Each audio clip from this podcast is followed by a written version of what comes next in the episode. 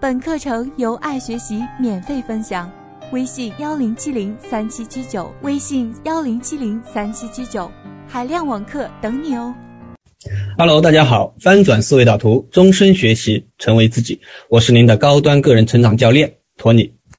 通过上次课程的学习，我们这个月的学习框架大家都心中有数了吧？所以呢，今天我们会带着这一个宏观的视野，学习本次训练营的第一个工具——每天三件事打卡。那在课程正式开始之前呢，今天啊，我给大家讲一个小故事。话说上世纪呢，有一个牛逼的企业主啊，寻求一个时间管理大师，问他什么呢？问他怎么样能把我的工作效率翻倍？这个大师给出的方法很简单。请这个企业主每天把最重要的三件事情写下来，然后呢，做完一个就划掉一个。大师信心满满，而且又非常神秘的说：“你先照这个方法做一年，一年之后呢，我们按照效果算钱。”也可能因为这个方法太简单了，以至于大师都不好意思直接开口要钱。那么大家知道吗？一年之后，你们猜发生了什么？哎。这一位大师竟然收到了三万美元的支票，那这位大师的方法就是我们本次训练营的第一个时间管理工具——每天三件事。首先，我们进入第一个板块，为什么要做每天三件事打卡呢？我认为呢，主要有三个理由。第一个，因为它能够帮你启动时间管理的一个微习惯；第二个呢，这个工具它的效果可以说是巨明显。第三个，这个工具能够帮你塑造你的个人品牌。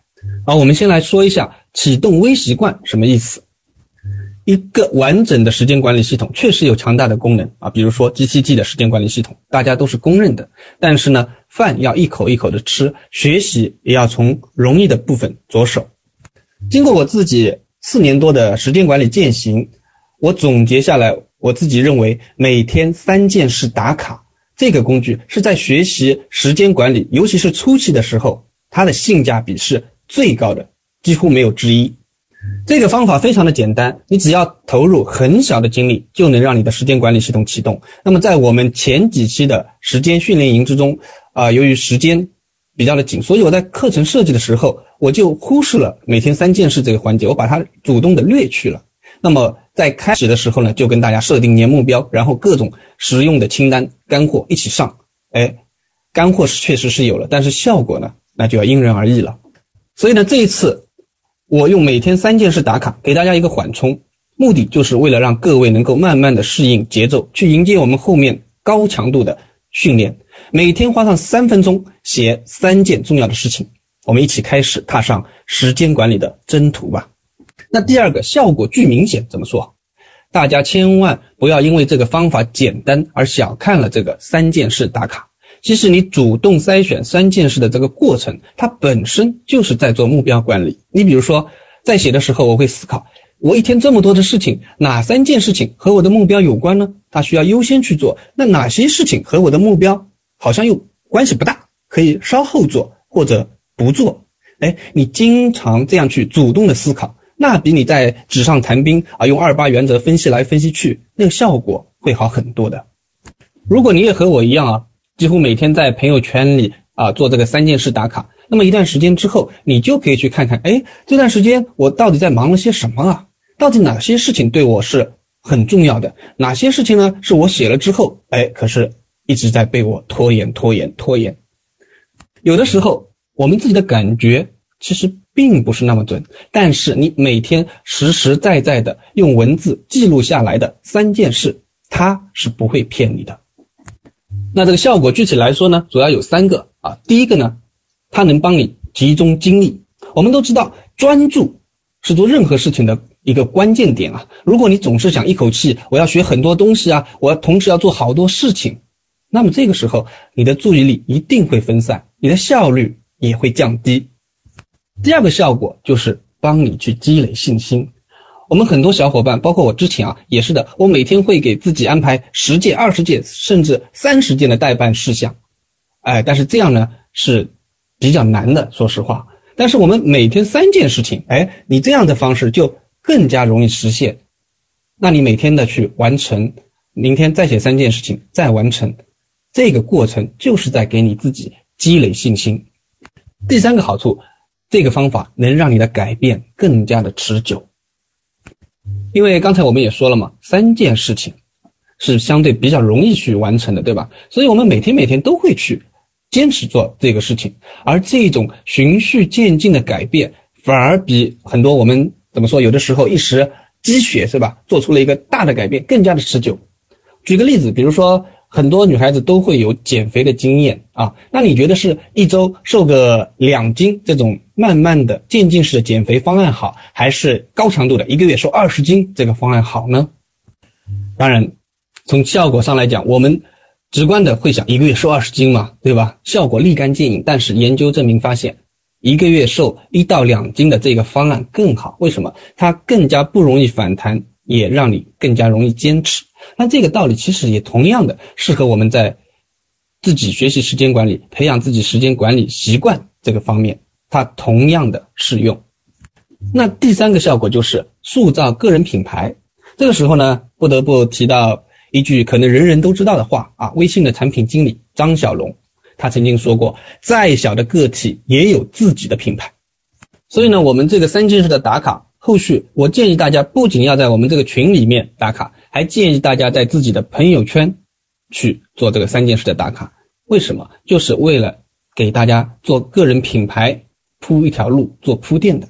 不管你是全职妈妈、自由职业者、创业者，还是公司的上班族，在如今这个社会，线上线下它越来越无缝对接了。你的朋友圈它是什么？它不是让你每天发一些晒娃、晒美食。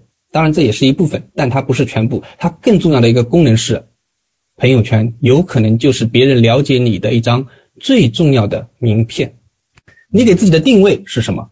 你给自己的标签是什么？你想让别人认为你是一个什么样的人呢？那很多情况下，其实别人都是透过你的朋友圈来做判断的。在这个地方呢，送给大家两句话，呃，我姑且把它称之为金句啊，因为这个是我自己想的。那第一句就是，你想要认识什么样的人，你自己就应该先努力去成为这样的人。第二个，你是什么样的人是很重要的，但是别人认为你是什么样的人也同样的重要。那大家可以想一想，你是希望别人看到你的朋友圈整天买买买，还是希望别人看到你的自律，看到你的坚持，看到你的上进，看到你的成长？你是希望别人和你交流的话题是哪家店又打折了，谁家的婆媳关系不和了，还是希望有正能量的小伙伴和你一起交流学习经验，共享成长的经历呢？但是啊，这里要重重的说一句，但是所有的所有，光想是没有用的，你得要让别人看见你，你得要让别人知道，哎，你是他们的同类，你得给别人一个主动链接你的理由，不是吗？那在这边跟大家说一个题外话，我从三四年之前啊，从自己是一个学习者，成为如今的个人成长教练，跟大家一起分享时间管理啊、思维导图方面的知识。那么在这几年当中，我所获得的人脉、机会和一些可能性，绝大部分都是由这个每天三件事情为我直接或者间接所带来的。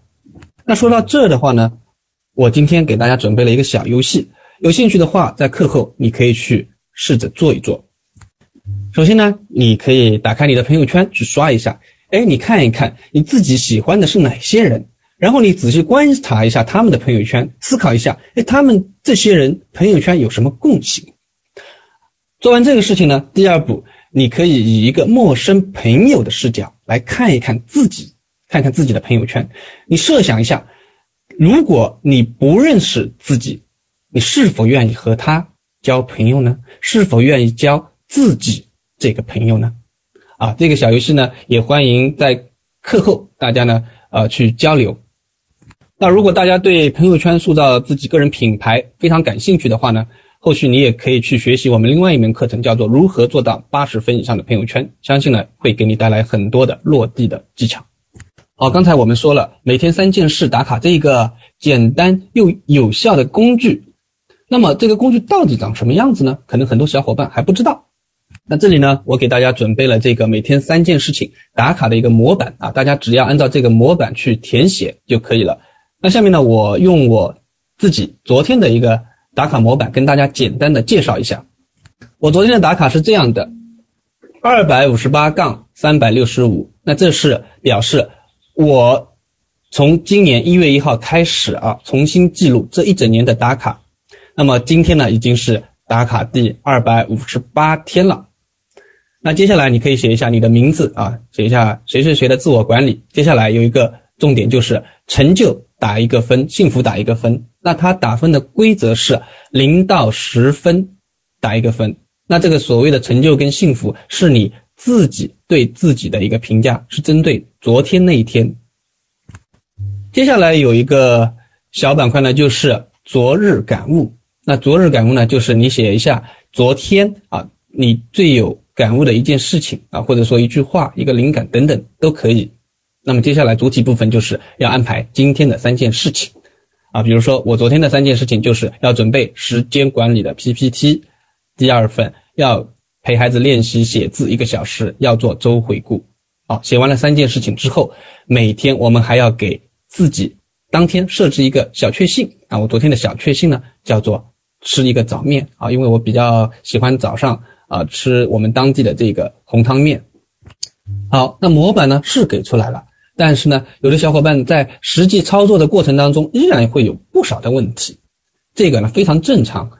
这个三件事打卡看起来是很简单，但你真的去做的时候，可能会纠结啊。至少我当初是这样的。所以接下来呢，第三个板块就跟大家一起来讨论一下如何做好三件事打卡。首先呢，我先跟大家敲一个黑板啊，三件事打卡有一个核心的要点是什么？一定要主动思考，一定要主动思考，一定要主动思考，因为没有思考的时间管理全是空架子，那都是摆一摆样子而已的。下面呢，我会分四个部分来跟大家聊一下如何做好三件事情。第一个，昨日感悟；第二个，三件事选择；第三个，成就和幸福的打分；第四个。设置小确幸。好，我们先来看一下第一个昨日感悟。昨日感悟呢，就是让你写你昨天最有感触的一件事情是什么。这个问题呢，它会强迫你在自己的脑海当中去放映你自己的昨天的微电影。你要去思考，挑选出一个你最有 feel 的镜头，把它记录下来。以下呢，都是一些很好的感悟啊，都是来源于我们往期的学员。啊，我给大家展示一下，比如说有一个学员写到，呃，与八旬的老夫妻同坐看电影，感受芳华啊，那是前段时间比较火的一个电影。与小伙伴一起珍惜当下，每一个年代都有属于我们自己的芳华。哎，这个感悟就很好，他表达了感恩，感受了当下。也有一个小伙伴说，商会军区首次聚餐，选了新的领导班子，我被提拔为财政部长。挑战了自我，哎，他的这个感悟就表达了喜悦、自我激励。还有另外一个小伙伴，他说原来会对一些突发的状况感到焦虑，现在换一个角度看，也许是对自己的一次锻炼跟突破。因为人生不能总是依赖指导。那这个小伙伴，他写下这个感悟的时候，他就看到了自己的进步。还有另外一位小伙伴说，喜欢被人看见，也要表达出看见了别人。啊，那他这个感悟就是他自己很有触动，触动了他的心灵。还有一位小伙伴他说，当自己也要表达出看见了别人。那么当他写下这句话的时候，我相信啊，他一定是触动了心灵。那最后一位小伙伴他写的感悟是这样的：对自己当前的状态有一种恐惧感。他写这个感悟的时候，他就发现了自己的一些问题，他在寻找解决方案。啊，我们重点来看一下最后一条感悟啊，对自己当前的状态有一种恐惧感。哎，那你写下这个感悟的时候，我觉得你就需要去做一些主动思考了。哎，最近发生了什么事情呢？对我的影响到底是什么呢？我为什么会有这样的感悟？你可以问自己下面的几个问题啊：为什么会发生这样的事情？我能为这个事情做点什么呢？我具体该如何开始做呢？如果你这样思考的时候，这个感悟就对你开始产生了意义。它不仅仅只是一条文字的记录，因为即使没有想到任何的方案，至少你已经在觉察自己了，对吗？而觉察是改变的第一步。你先肯定自己的这个小小的进步，然后试着去处理这个问题。好，那刚才讲的呢是昨日感悟，接下来我们看一下我们这个打卡当中的一个主体三件事怎么做。首先呢，我刚才已经强调了三件事情，一定要主动的思考哪三件事情才是对我最重要的，为什么是这三件事而不是其他的事情？那这三件事情和我的长期目标又有什么联系呢？那根据我们以往一些经验啊。关于写三件事情比较共性的问题，就是大家列出来的事情不具体。那只有具体的事情，我们才能在回顾的时候判断：哎，这件事情我是完成了吗？如果你写的事情不具体的话，你根本就无从判断。首先呢，我给大家在这边也列出来了一些具体的案例，比如说快走三点二公里，对吧？和老公讨论最近。英语学习的问题，找到解决方法，给孩子讲两本英语故事，红花油按摩脚底，练字二十个，翻转思维导图，年会员群做个分享，这样的事情呢是很具体的。那什么样的事情是不具体呢？比如说，加强客户沟通，这样的事情其实很模糊，到底是和谁沟通呢？怎么加强呢？是预约一次见面呢，还是打个电话呢？还比如说。有的小伙伴会写下整理资料，那整理什么资料呢？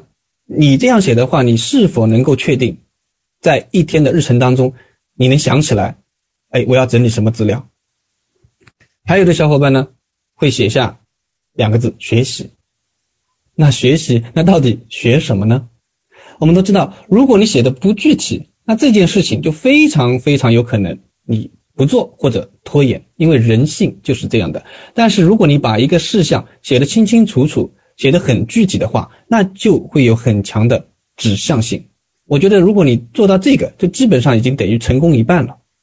好，所以三件事情，这边有一个重点，一定要把事项写具体。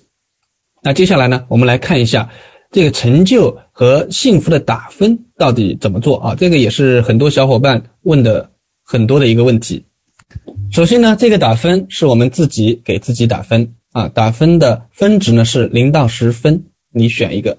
那这里有三个要点，第一个，打分的标准是你自己的主观感受，是否有成就，是否幸福，那哪里有什么统一的外在的标准呢？对吧？我说你今天很幸福，可是你觉得不幸福，那又有什么用呢？所以真正有意义的评价还是自己对自己的感受。第二个，我们这个打分是自己和自己的分数去比较，这个分数你完全没必要去跟别人比较，因为每个人他在意的点是不一样的，每个人评价的尺度也不一样。第三个，我们的打分是要在意今天的分数和我之前。的分数去做一个比较，那为什么要做这个事情呢？配合上我们三件事情的记录啊，通过这个事情，你可以去看一下哪些情况下你的分数会很低，而哪些情况下你的分数又会很高。那分数低的时候呢，你可以看看，哎，我分数低的当天那些事情，我该如何去改善？而分数高的事情呢，你就可以想想啊，我以后怎么样能给自己主动的创造一些这样的机会，让我更有成就感，让我更有幸福感。所以大家也会发现啊，这个打分你并不只是说随便打完一个分就完事了，我们打的这个分数会引发我们后面很多的思考，而我们的主动思考是我们做好时间管理的一个必备的条件。好，接下来呢，跟大家说一下我们这个三件事打卡里面第四个点——小确幸。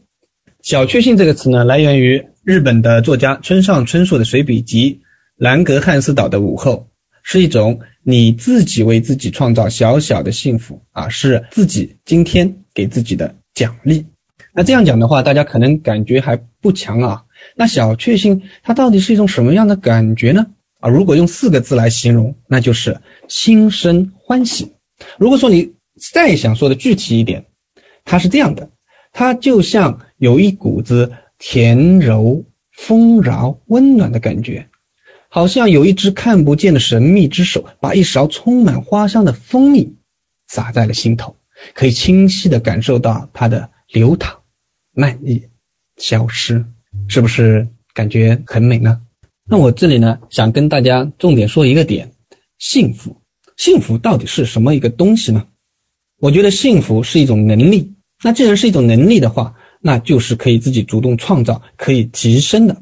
而我们每天自己给自己设置小确幸这个动作，其实就是在一天一天的培养自己的这种能力啊，自己给自己创造幸福的能力，以及对生活的这种掌控感。那关于在写小确幸的时候啊，根据我们往期学员的反馈，这里面主要有两个问题。第一个，很多人写的这个小确幸，他是写的已经发生的事情，啊，不要这样写，我们要写没有发生的，因为你没有发生的事情，你通过自己的努力去让它发生了，这个时候你才是在给自己设置小确幸，而不是说去记录一个小确幸。第二点呢，有些小伙伴写的那个小确幸啊。他基本上就掌握不了，那可能是大幸福了，就不要小确幸了。所以第二点，大家写小确幸的时候，一定要写一些小的，你自己能够掌控住的，一定能让它发生的事情。来给大家看几个反面的例子吧。啊，比如第一个，今天早上收到弟妹发来的 PPT 精华，真好，感谢。啊，这个小确幸呢，犯了什么错误？它已经发生过了。第二个，小鱼儿体验毛笔。哎，喜欢上了，你看这个还是发生了。第三个，得到认可的前提是有专业素养，这个呢就不是一个小确幸了，这是对自己的期望吧？啊，再举一个例子，比如有的人说希望领导今天给我加薪，那这个小确幸是什么问题？领导是否给你加薪是你难以掌控的，而我们的小确幸是要写你自己能够掌控的。所以再跟大家强调一下，写小确幸。这里面有两个核心要点：第一，要写没有发生的；第二，要写你自己能够掌控的。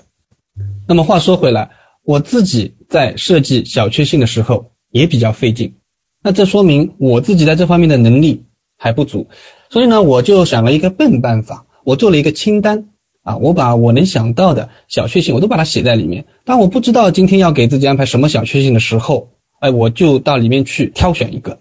那我跟大家分享一下我的小确幸清单，比如说看一下自己之前写的日志，或者说看雨啊、看天空、看云朵，还有就是早起的世界，我大口的呼吸，约朋友一起喝茶交流啊，约朋友通电话啊，啊听听朋友唱的歌曲啊，或者就是画画，哎，别管画什么，只要画就可以了。类似这样的事情啊，就是我的小确幸。那么大家呢也可以一起来完善这个清单。那么以后呢，我们再也不用去。烦恼每天该给自己设置什么样的细小而甜蜜的幸福？好，刚才呢跟大家说了，我们怎么样才能更好的去完成这个每天三件事情打卡？好，我们总结一下今天的学习内容。我们今天呢其实主要就讲了三个部分的内容。第一个部分呢跟大家说了一下为什么要做好三件事情的打卡啊，我们的好处也很多，大家还记得吗？它能够帮你启动微习惯，然后这个。工具效果非常的明显，还能帮你塑造你自己的个人品牌。第二个板块呢，我给大家展示了三件事打卡的模板啊，大家呢可以参考这个模板，每天的去做这个打卡。那第三个就是如何做好三件事情打卡，我们分为四个部分，我们从昨日感悟、三件事情的选择、成就和幸福的打分，以及如何设置小确幸，分别跟大家一一的分享。那今天的践行任务呢，就是请大家从今天开始持续的做每天三件事打卡模板呢，我已经给大家做好了。我们这个每天三件事打卡，就如我们开篇讲的，是学习时间管理初期性价比最高的方法，它能够让你的时间管理迅速的启动。大家持续的做这个事情的过程当中啊，你一定会收获到你意想不到的结果。好，恭喜你又得到了一个高效实用的时间管理工具，翻转思维导图，终身学习，成为自己。我们下期再见。本课程由爱学习免费分享，微信幺零七零三七七九，微信幺零七零三七七九，海量网课等你哦。